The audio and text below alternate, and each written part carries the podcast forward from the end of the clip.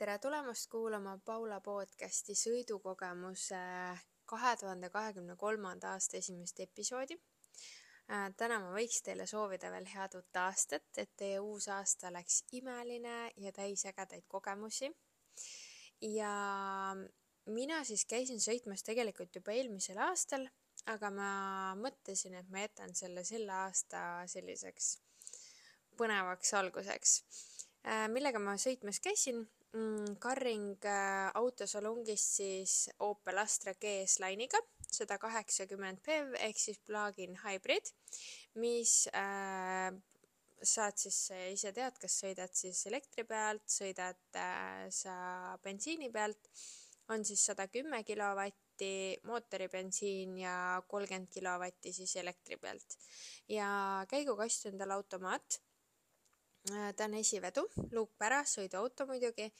Ja ütleme nii, et äh, väga mugav auto, täpselt nii nagu Moka, et äh, Opel on teinud läbi sellise suure muutuse, et kui ma äkki keegi ei ole veel Moka episoodi kuulanud, ei ole huvitanud, siis tegelikult ma käisin sõitmas kunagi Insigniaga. Ja ma käisin Insigniaga sõitmas üsna ammu, aga mu põhimureks oli mitte see, et kuidas see sõidab, see liikus väga hästi, lisad olid suurepärased, aga lihtsalt kõik see disain ja kõik oli nagu selline ajast ja arust, okei okay,, see oligi võib-olla kaks aastat tagasi juba, võib-olla aasta, ma tõesti ei mäleta niimoodi peast, aeg lendab nii ruttu, aga no lihtsalt seal ekraanil olid põhivärvid ja tegelikult ongi see, et sa tahad ilusat sõidukogemust, muidugi mugav peab ka olema, sest muidu on see, et kui on ilus, aga on ebamugav, siis ka ei ole see, on ju. et äh, Opel Astra on läinud väga ilusaks, ta on, ongi ilus, stiilne, moodne, ei ole häbi sõita Opeliga et äh, Opel on teinud kannapöörde ja Astra on väga nobe auto. ta näeb väga hea välja ja lähmegi siis edasi sinna disaini peale, et ähm, täpselt nii nagu Mokal on Astral sees siis selline lahe nii-öelda juhi poole pööratud ekraan, et oled nagu kokpitis, et äh, väga, väga lahe. mulle väga meeldib, et äh, kui me seest räägime, siis tal see käiguvahetus, see on väga-väga moodne. sul ei ole käigukangi, see on selline lahe nupuke, millega sa siis kas äh, vahetadki siis käiku või vajutad parkingule, et väga ilus, kõik on selline clean äh,, hästi puhas, stiilne välimus, seal on läikivat pinda keskel, noh, tõesti väga-väga-väga hea näeb välja ja midagi ei nigise, ei nagise, kõik on nagu selline turvaline, sa sõidad nagu normaalse autoga. et äh, hind on ka normaalne, et sellest me räägime pärast et äh, ärge arvake, et te kuulete mingi väga odava auto jutte, et ei, Opel on teinud kannapöörde, nagu ma olen öelnud. et ähm, kui me seest alustame, siis ongi, tal on näiteks, kuna see auto on selline väga äge erkpunane, siis tal jookseb seest ka disaini poolest on tal punased triibud, tal on tõesti väga hea disain, sul on ees on selline ilus pikk ekraan, kõrval on kesk, nii-öelda keskel on siis see ekraan, aga juhi poole pööratuna ja kõik on nagu sealt ekraanilt arusaadav, lihtne on juhtida äh, just seal ekraanil olevat infot.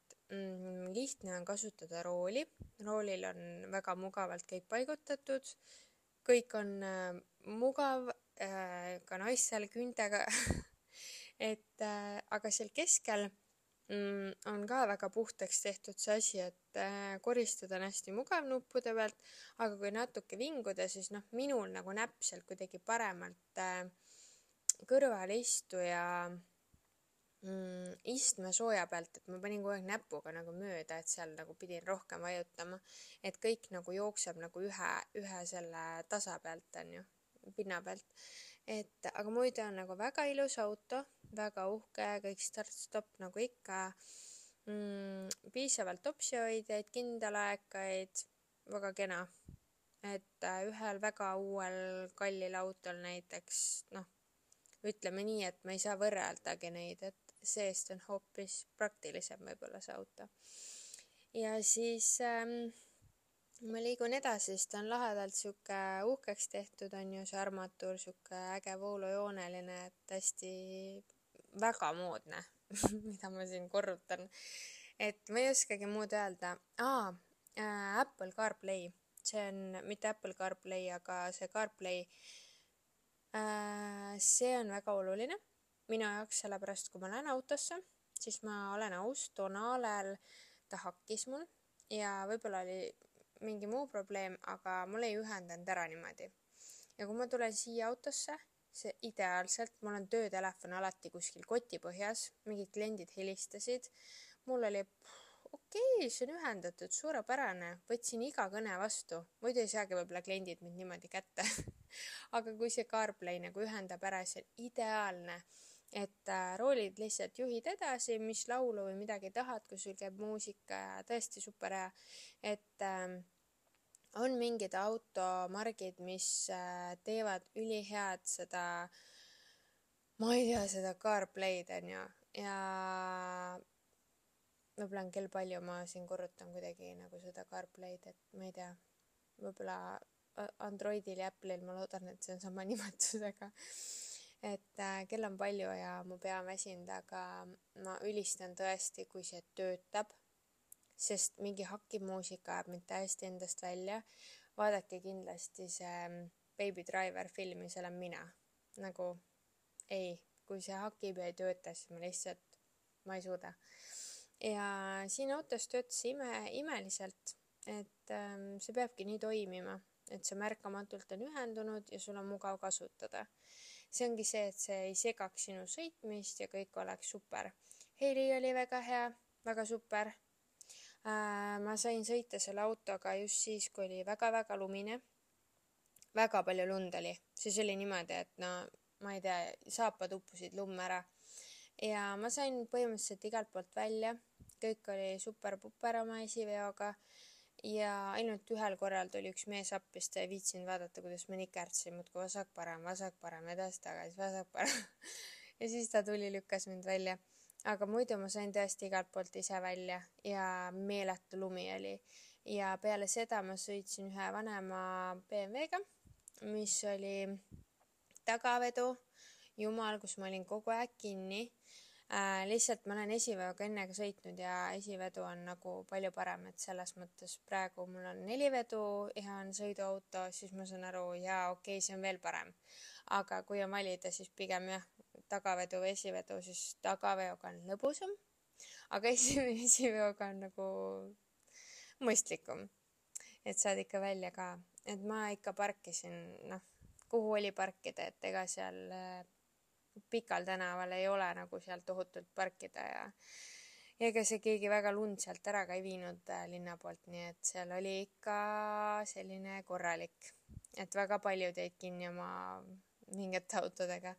Et Astrakene vedas mu välja ainult ühe korra äh,. pidin saama meesterahva abiga, aga mahukas auto äh,, sõidumugavuselt täiesti keskmine selles mõttes keskmine, et äh, ei põrutanud, ei olnud liiga pehme täiesti, mitte midagi ei häirinud. Kõik oli täiesti okei okay.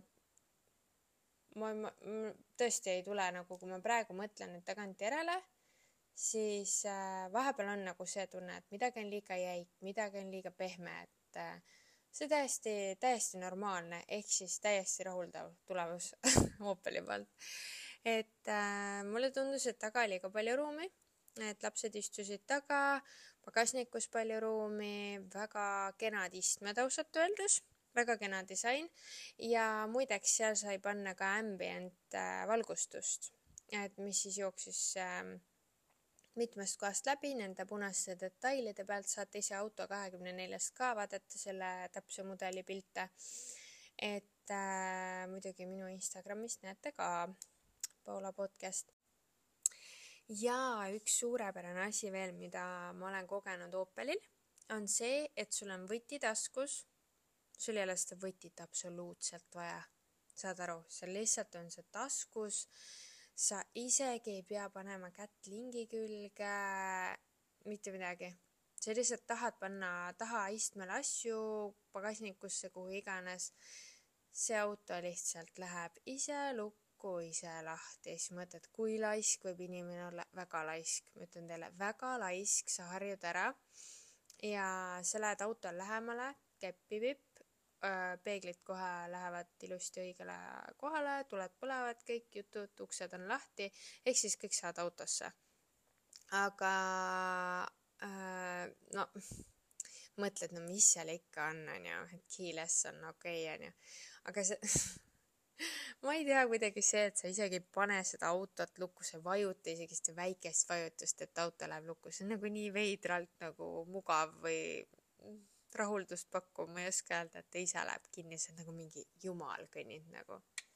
see läheb ise nagu kinni nii raske kirjeldada seda rõõmutunnet, mm, et ise ei pea jälle ühte asja tegema. väga veider. palun vabandust, ma tean.